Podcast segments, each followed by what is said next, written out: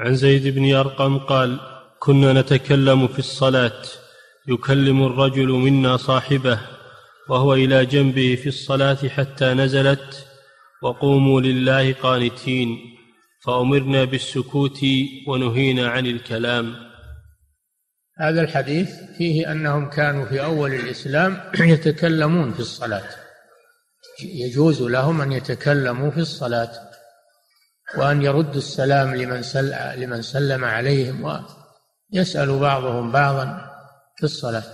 ثم لما أنزل الله قوله تعالى حافظوا على الصلوات والصلاة الوسطى وقوموا لله قانتين والقنوت في هذا الموضع هو السكوت. القنوت له عدة معاني يطلق ويراد به السكوت ويطلق ويراد به المداومة على العبادة.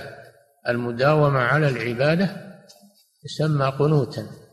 وطول الصلاة طول القيام في الصلاة يسمى قنوتا. ويطلق القنوت ويراد به الدعاء الذي في الوتر. الدعاء الذي في الوتر يسمى قنوتا.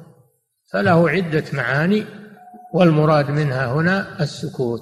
أمرنا بالسكوت ونهينا عن الكلام دل على تحريم الكلام في الصلاة وأنه إذا كان عمدا يبطلها إذا كان الكلام عمدا يبطلها إلا إذا كان لمصلحتها كما سبق في حديث ذي اليدين إذا كان الكلام لمصلحتها فإنه لا يبطلها. أما إذا كان عمدا ولغير مصلحتها فإنه يبطل الصلاة.